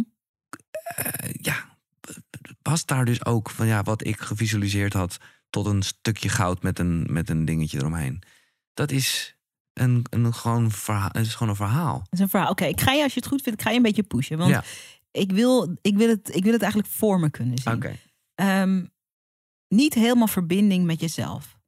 Wat is dat? Is dat ehm, je kent jezelf eigenlijk helemaal niet goed, omdat je bij- bijna niet bezig bent met te, te ontwaren wat voel ik eigenlijk? Is het ehm, eh, de- je hebt schaduwkanten, dus dingen aan jezelf in je karakter die je eigenlijk nog steeds niet geaccepteerd hebt. Dus ik ben bijvoorbeeld, Mhm. ik ben heel veel, bijvoorbeeld, Mhm. als ik even naar mezelf. Ik ben daar nog altijd mee in een dans. Ja, vind maar het dat is van- prima. Ja. Een dans is goed. Ja, dan is het goed. Maar, maar ik, ik zou op het punt willen Ja. zijn. Ik wil gewoon eh, daar helemaal mee in het reinen komen. Ik ben gewoon heel veel, ik heb veel energie al die dingen.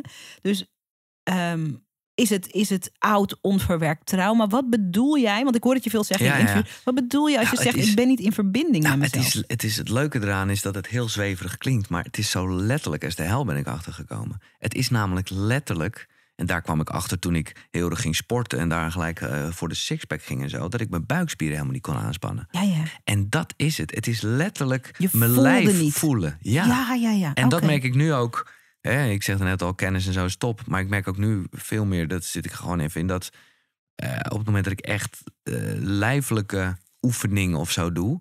Dat is even Ja. wa- waar het bij mij heel erg gaat. Dus het is letterlijk jezelf voelen. En ik merk het gewoon heel erg. Kijk, nu voel ik, omdat ik gewoon eventjes met mijn benen over elkaar zat. eh, ja, voel ik daar bloedstromen en dingen. En op het moment dat je er bewust van bent, en, ja, dan, dan sta je echt in contact met jezelf. Ja, je was niet in je lijf, Nee, exact. maar in je hoofd. Ja, En dit is wat veel mensen herkennen, Ja. denk ik. ja. Weet je, en even voor als je denkt, als je zit te luisteren en je denkt, oh, ik snap het zeg maar bijna. Dus bijvoorbeeld, ehm, kijk, laat, laat me het duiden met iets wat ik weet. eh, dus ik heb een seksueel geweld eh, ervaring. De grote tragiek van seksueel geweldervaring is, is van alles, maar is ook dat je veel contact met je lijf verliest. Omdat het zo overweldigend is. Ja, ja, ja. En dat gaat dicht. Nou, dat betekent dat ook nadat eh, de aanranding of de verkrachting of wat het ook is, na het voorval, eh, kan je heel lang, heb ik iets van zeven jaar of zo, vastgezeten in een lijf dat weinig voelt. Voor mij betekende dat destijds dat als ik een man ontmoette, kon niet voelen van wat vind ik nou? Vind ik hem echt? Dus dan bedacht ik alles. Mhm. Ik denk dat ik hem leuk vind. Ja. Ging allemaal onbewust. Ik kon ook niet goed voelen of ik nou verdrietig was of blij of snap je wat ik bedoel? Ja, En, ja, ja. en wat als je zit te luisteren, je kan een heel leven leven zonder echt te voelen. En ongelooflijk belangrijke dimensies van het leven mislopen. Die dus gaan over verbinding, over connectie, ja. over ra- aanraken, geraakt worden, geraakt durven worden, durven raken. Ja. Ehm, maar omdat het zo gewoon is. Het is een soort, soort onzichtbare epidemie van niet voelen. Het is heel gewoon om is- niet veel te voelen. Dus als jij zegt ik was uit verbinding, dan gaat het daarover. Daarover. Niet echt kunnen voelen. Oké. Precies dat. En dat zeg ik ook vaak over Koekeroe, omdat ik natuurlijk heel veel boeken heb gelezen. En het gaat dan over geluk en succes en bla bla bla. Dat ik dacht, ja, maar daar gaat het niet over. Dus dat is ook een beetje wat ik op een gegeven moment bedacht heb. Koekeroe is er niet om je beter te laten voelen, maar om beter te worden in voelen. Oh my god, I love it. Ja, I en dat, is, it. dat, en dat is, ach man, ik, ik vind het heerlijk als ik. Nou ja, nu, ja, het klinkt een beetje gek als ik zeg, ik ben heerlijk als ik verdrietig ben. Maar het is wel, dat is geluk. Is ook heel verdrietig zijn, snap je? De, om, het, om dat te kunnen voelen. Ja, en precies, om dat echt te voelen. En ik, en ik, ik ben. En waarom is dat zo? Ik snap het wel, maar waarom is dat zo? ja, waarom dan leef je toch? Dan, dan, leven is. Ja. Ja. En, en ik merk nu, en dat is gewoon, ik ben echt een newbie dus op dit gebied. En want ik weet wel dat mensen, ja, die kunnen echt bepaalde emoties ook bijna, of bijna, die kunnen dat letterlijk ook in hun lijf voelen. Van, Ja. nou, ik ben boos, ik Ja. voel nu hier en dit en dat. ja. Nou, we kennen natuurlijk allemaal wel de term vlinders in je buik. Ja, eh, dat, dat zit daar ook ergens. Dat is ook precies eh, het, het, de reden waarom veel mensen met eten en zo lopen te kutten. Ja, dat komt vanwege die vlinders in je buik. Of in ieder geval dat daar emoties ook zitten. Dus dat kan je ook Wegeten, anders voeden. weg- ja, exact. Of niet voeden. zeker. Of whatever. Zeker. En, en, en ja, zo, zo. Ja, het is allemaal zo lichamelijk eigenlijk. Ja, mag ik daar ook één ding over vertellen? Ja, en daarna wil ik even iets weten over je huidige relatie, waarin dingen dus anders zijn. Ehm, eerder dit jaar ehm, ben ik met een coach aan mijn, eh, aan mijn eetpatroon gaan werken. Ja. En eh, ben ik ehm, eh, iets van eh, 13 kilo of zo Ja. afgevallen. Oh ja, ik, Ja. eh, je hebt er een podcast over gemaakt. ook. De aanleiding was inderdaad eh, gezondheid. Ik wilde gezonder gaan eten. En iedereen heeft het heel erg over die 12 of die 13 kilo. Want dat is de buitenkant. Ik snap Mhm. dat ook. En daar krijg ik heel veel vragen over. Facts. Maar wat er gebeurd is in wezen, en dat was precies wat jij nu omschrijft, ehm, is dat dat emotionele eten, wat gewoon echt, dat deed ik, Mhm. ehm, was, was ook een soort cover-up. Omdat ik niet alles. Dat, en dat had te maken met. eh, ik was uit elkaar gegaan met de vader van mijn dochter. Ja. Ik was alleenstaande moeder geworden. En, eh, en eh, toen ben ik ook voor, heel bang geworden. Mhm. Ik dat was bang dat ik het niet zou redden, wat dat ook zou betekenen. En, maar ik was ook bang, oh, dit heb ik echt nog nooit eerder verteld. Ik was ook op een bepaalde manier bang ehm, voor mijn eigen sensualiteit, seksualiteit. Mhm. Omdat ik ben eigenlijk een heel sensueel iemand. Eh, ik had natuurlijk een kind gekregen en we gingen niet meer samen blijven. En ergens op onbewust Wist je level. van, ik moet dat pad weer betreden? Of ga dat pad weer betreden? Nou, ik denk eerst onbewust wat er gebeurde is van als ik mezelf minder goed in mijn vel voel, ben ik ook minder sensueel, minder seksueel, loop ik minder het Ja, gevaar Ja, ja, wauw. om eh, heel diep te. Maar wist ik allemaal nee, niet, hè? ik. Nee, ik ik denk het. gewoon, ik ga lekker coach eetprogrammaatje doen. En een heel groot stuk van die coaching ging ook over. ehm, dit klinkt heel stom, want dat heeft niks te maken met gewicht, maar alles met wegbroek. Durf ik weer sexy te zijn? Ja. En durf ik weer in dat spel te zijn van iemand aantrekken, daar eh, seks mee hebben? Ja, maar dat weten we En- allemaal, tenminste, dat hoop ik. Sexy zijn heeft niks met gewicht nee, heeft niks te maken met gewicht. Maar durf ik, durf ik weer in contact Ja, te komen met mijn seksuele verbinding? En dat betekent niet dat ik in de tussentijd nooit seks had of zo. Nee. Eh, en dat weer durven doorvoelen, dat is de mega transformatie. En Ja. niet het gewicht. Nee. En niet al die groenten die ik nu de hele tijd eet. Nee. En dat gaat, dat gaat dus ook over. Dat zat er onder dat eetgedrag. Maar weet ik veel dat dat onder dat eetgedrag dat zit? vind, ik vind het super mooi dat je dit deelt. Omdat, ja, ik denk eh, dat dat wel de essentie is van... als mensen daarmee aan de slag willen... dat ze wel eventjes heel erg naar de puurheid moeten gaan... waar dit vandaan komt, hoe Ja. dit ook gekomen is. Ik, ik durf te zeggen dat je helemaal niet kan afvallen...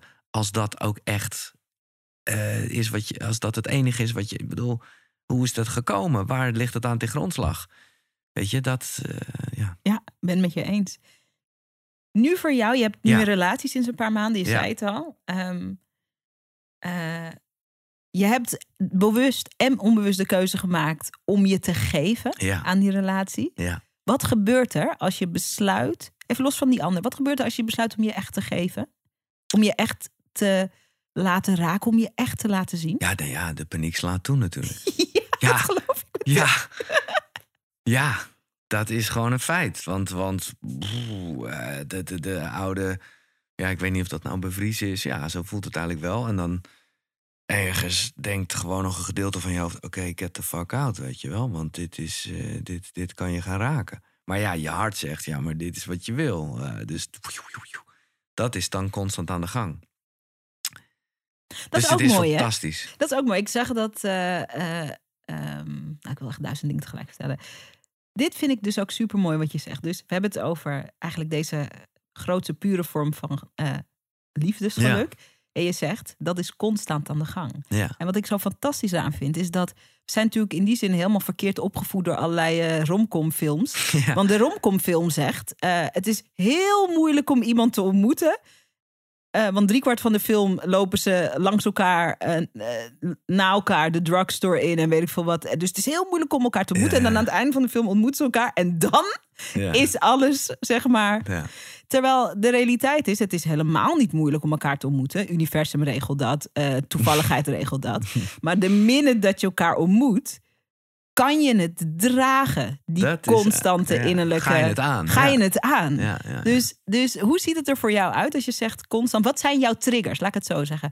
De trigger die maakt dat, dat innerlijke van... eh, gaan we blijven of gaan we bevriezen? Of gaan Nou we open of gaan we dicht? Het is, eh, ja, wat ik zeg, het is voor mij nog, eh, nou ja, nieuw. eh, Ja, dat klinkt echt alsof ik net geboren ben, maar zo voelt het bijna wel als het over gevoel gaat.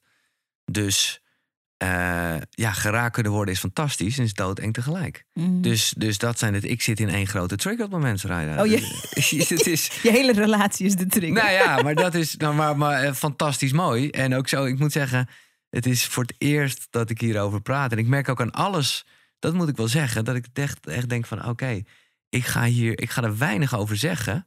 Omdat ik, omdat ik het gewoon zo koester en niet Ja, ja, ja. kapot wil maken.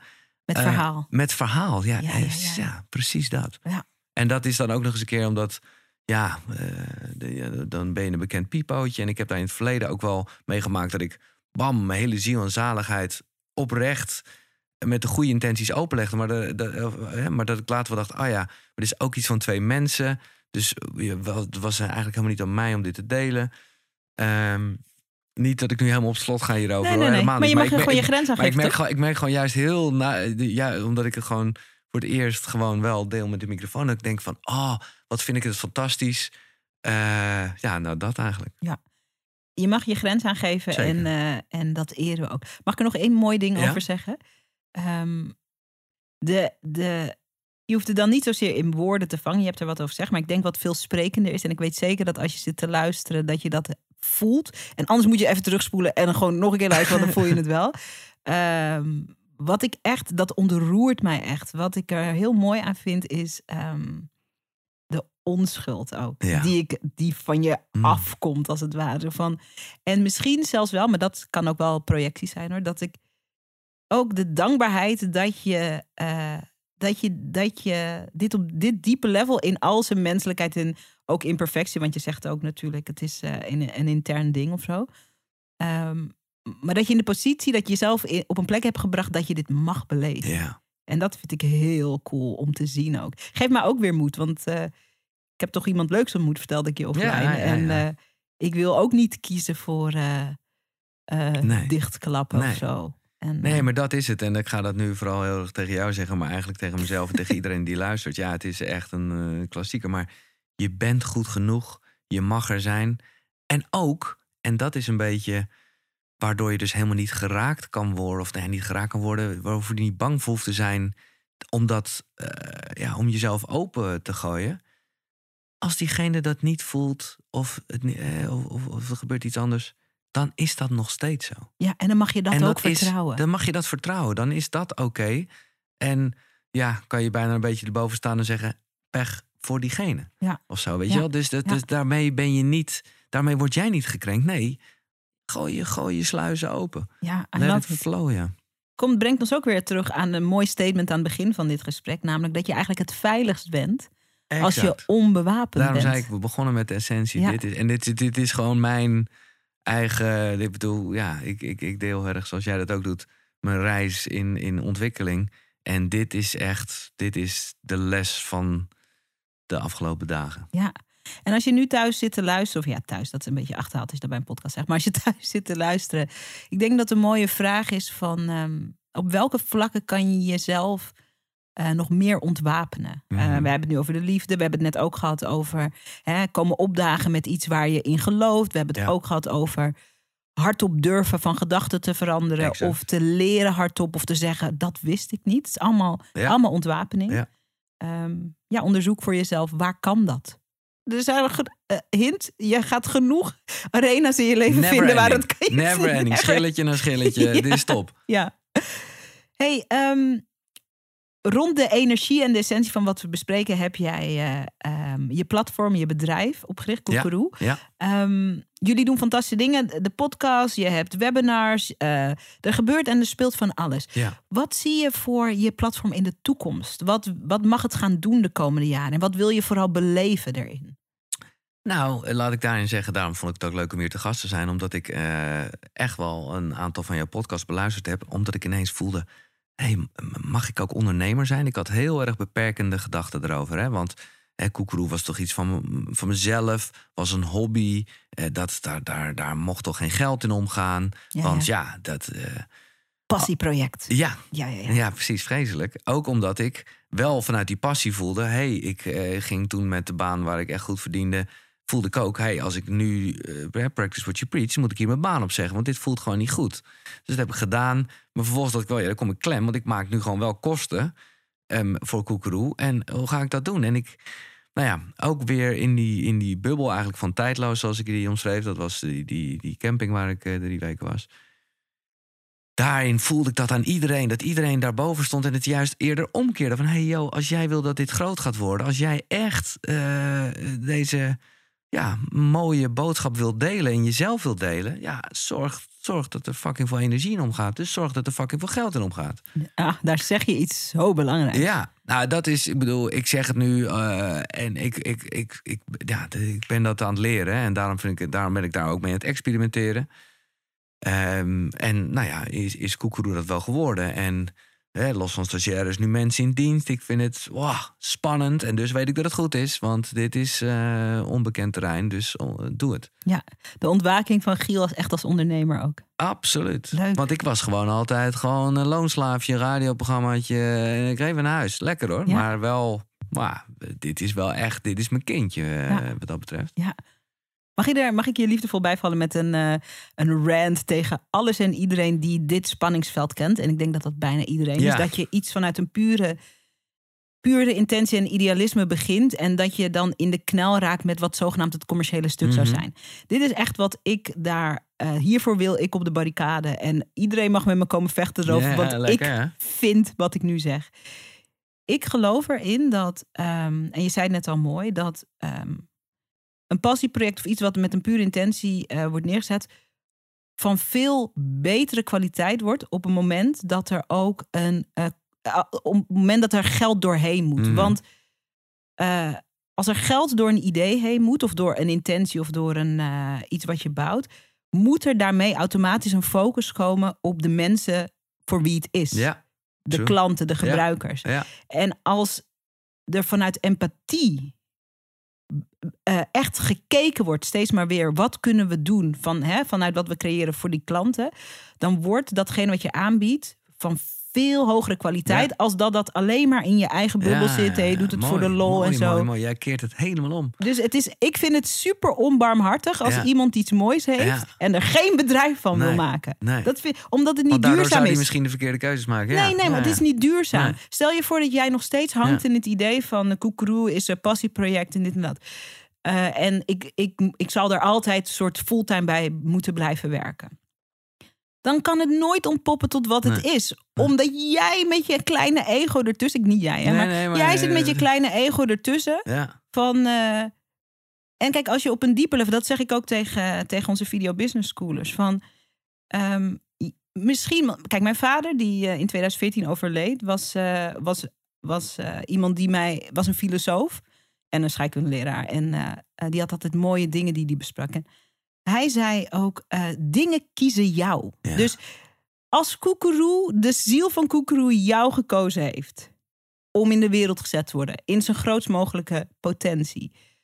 Hoe de fuck are you kidding dan met je Ja. bijbaantje Ja. bij? Ik heb niet tegen jou, hè? nee, nee, maar, nee, maar nou, ja, ergens ook wel.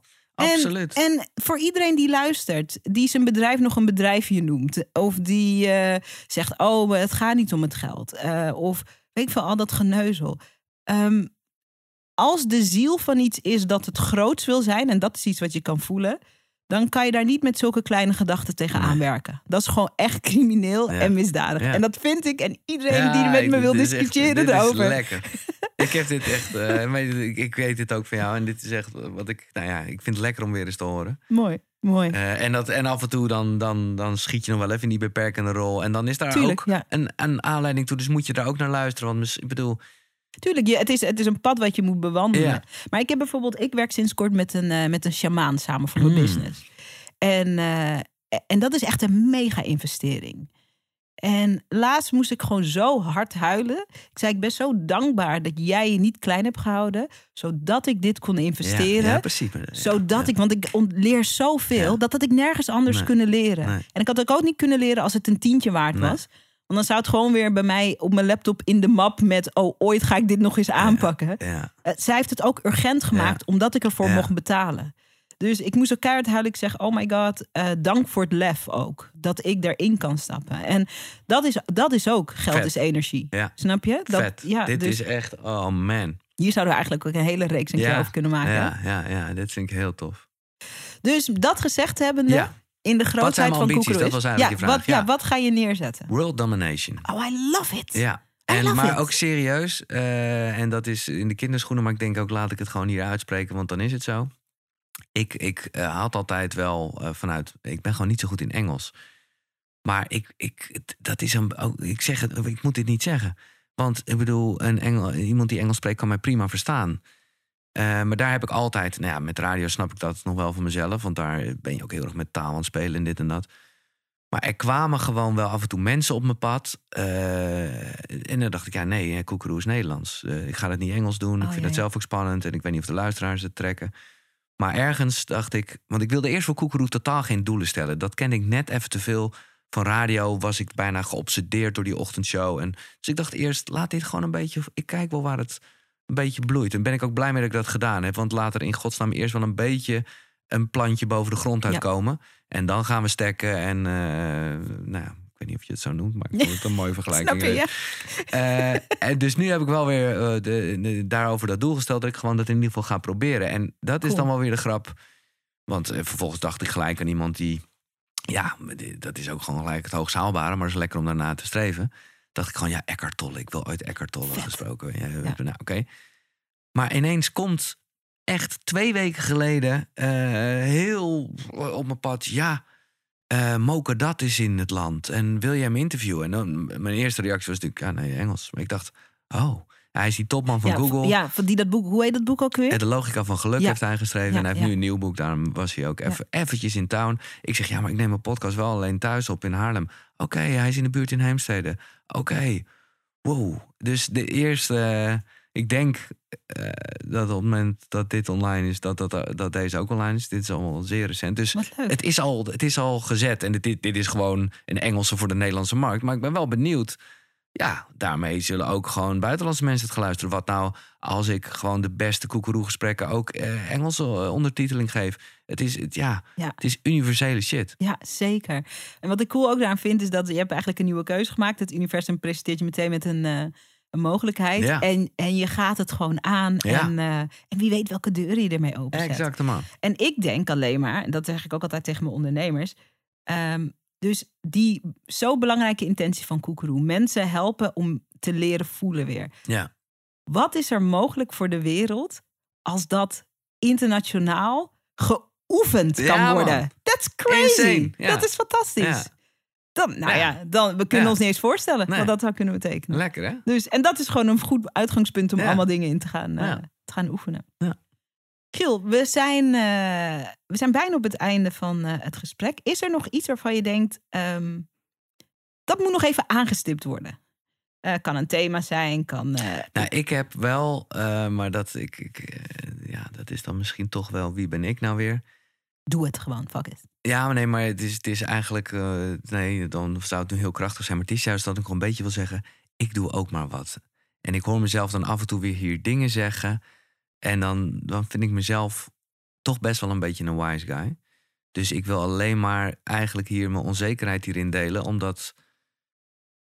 Ja, ik toch die behoefte voel. Omdat ik. eh, kijk, koekeroe betekent. De goeroe zit in jezelf. En eh, dat is. mm, Ja, dat heb ik zo bedacht. Omdat ik dacht. Ja, het is, het is fijn als je inderdaad mensen hebt die je helpen. Of dat nou vrienden zijn. Of shamaan of coaches. Dat is top.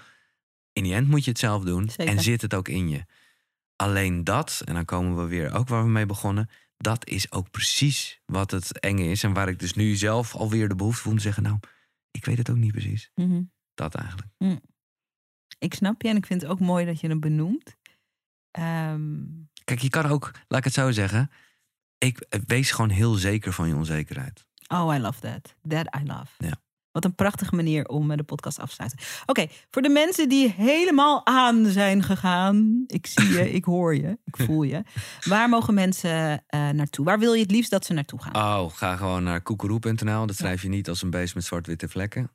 Maar k-u-k-u-r-u.nl. En dan zie je het allemaal wel. Ja, je bent ook te volgen op Instagram, gewoon al die dingen. Maar ik denk hoekroep.nl is Ja. de beste plek. Ja. En vanuit daar kan je overal naartoe Ja. uitwaaieren. Ja. Wat fijn dat je er was. hè? Ja, superleuk om te zijn. Echt heel leuk. Dank voor je openheid. Wederzijds. Ook voor de gezelligheid Ja. gewoon. En eh, don't be a stranger. Kom nog eens terug als je zin hebt om ergens over te kletsen. Love it, ja. Ik denk gewoon dat ik jou nu ga uitnodigen. eh, want ik bedoel, eh, nou ja, goed, nee, dat is allemaal Nee, niet. doe maar zeggen. Nee, maar ja, zeggen. als het gaat over ondernemen, ben ik ook wel verder aan het denken dan alleen koekeroe. En vanuit mijn radioachtergrond voel ik gewoon aan alles dat de podcast nog een soort onderontwikkeld iets is, wat fantastisch is. Maar soms ook dat je denkt, hé, hey, moet dat nou echt zo? Dat kan toch anders? Hm. Dus ik ben, en daar heb ik je voor gevraagd en daar wilde ik gewoon vooral nog even een keer met je over zitten. Ben, Leuk. ik ben een soort netwerk begonnen eigenlijk. Waarvan ik gewoon denk, ja, allemaal podcasts die bezig zijn met het goede voor de wereld. Hoe vaag dat ook klinkt, maar dat, dat, ik denk dat iedereen toch wel weet wat ik daarmee bedoel. Mhm. Dat die de krachten bundelen, waardoor je ook weer goede adverteerders, goede. Eh, Dat je dat, dat je dat samen bindt. Gewoon echt krachten bundelen. Zonder dat je je eigen authenticiteit verliest. Weet je dat ik daar... Oké, en daarna gaan we echt afsluiten. Ja. Ik weet het jongens, maar het is zo gezellig. En jullie zijn er gewoon bij. Ehm, ik denk dat dat heel interessant is. Ik heb daar ook allerlei eigen ideeën over. Ja, Heb ik een ja. keertje offline ook over. Ja. Maar weet je wat ik wel zou willen doen? Ik vind het heel leuk om te praten over Ja. ondernemerschap en ook over geld. Maar ik vind het het allerleukst om te praten over de liefde. Oké, Ik zou wel... oké, eh, oké. Maar dan is bij deze dan. En is... op de manier zoals wij hebben Ja, ja, gesproken nee, over de ik. liefde. Ja, dus niet van eh, de drie manieren om te maken dat nee, hij je terugbelt na een date. Nou ja, om het maar even. eh, nee, laat ik het spiritualiteit noemen. De, de liefde spiritueel gezien. Wat het met je doet. Overgave. Ja, hoe het je openbreekt en what to do from there. Weet je dat? Oké, maar dan geef ik je even een paar weken de tijd. Omdat je midden in een proces zit. Dan, eh, en dan kom je of bij me uithuilen of bij me shinen. Het is allemaal goed. Het is Waarschijnlijk allemaal allebei. Ja, nou ja, dat is top. Nou, tot snel dan. Leuk, dankjewel. Top. Ja, bedankt. Super tof dat je hebt geluisterd naar de podcast. Dankjewel. Hey, en als je een mooi inzicht hebt of iets wat je even met me wilt delen naar aanleiding van de podcast, check me op Instagram. Ik heet daar Zerijda Groenhart. En laat even een berichtje achter met wat je uit deze podcast hebt gehaald. Ik vind het altijd leuk om met je te connecten. Zie ik je daar?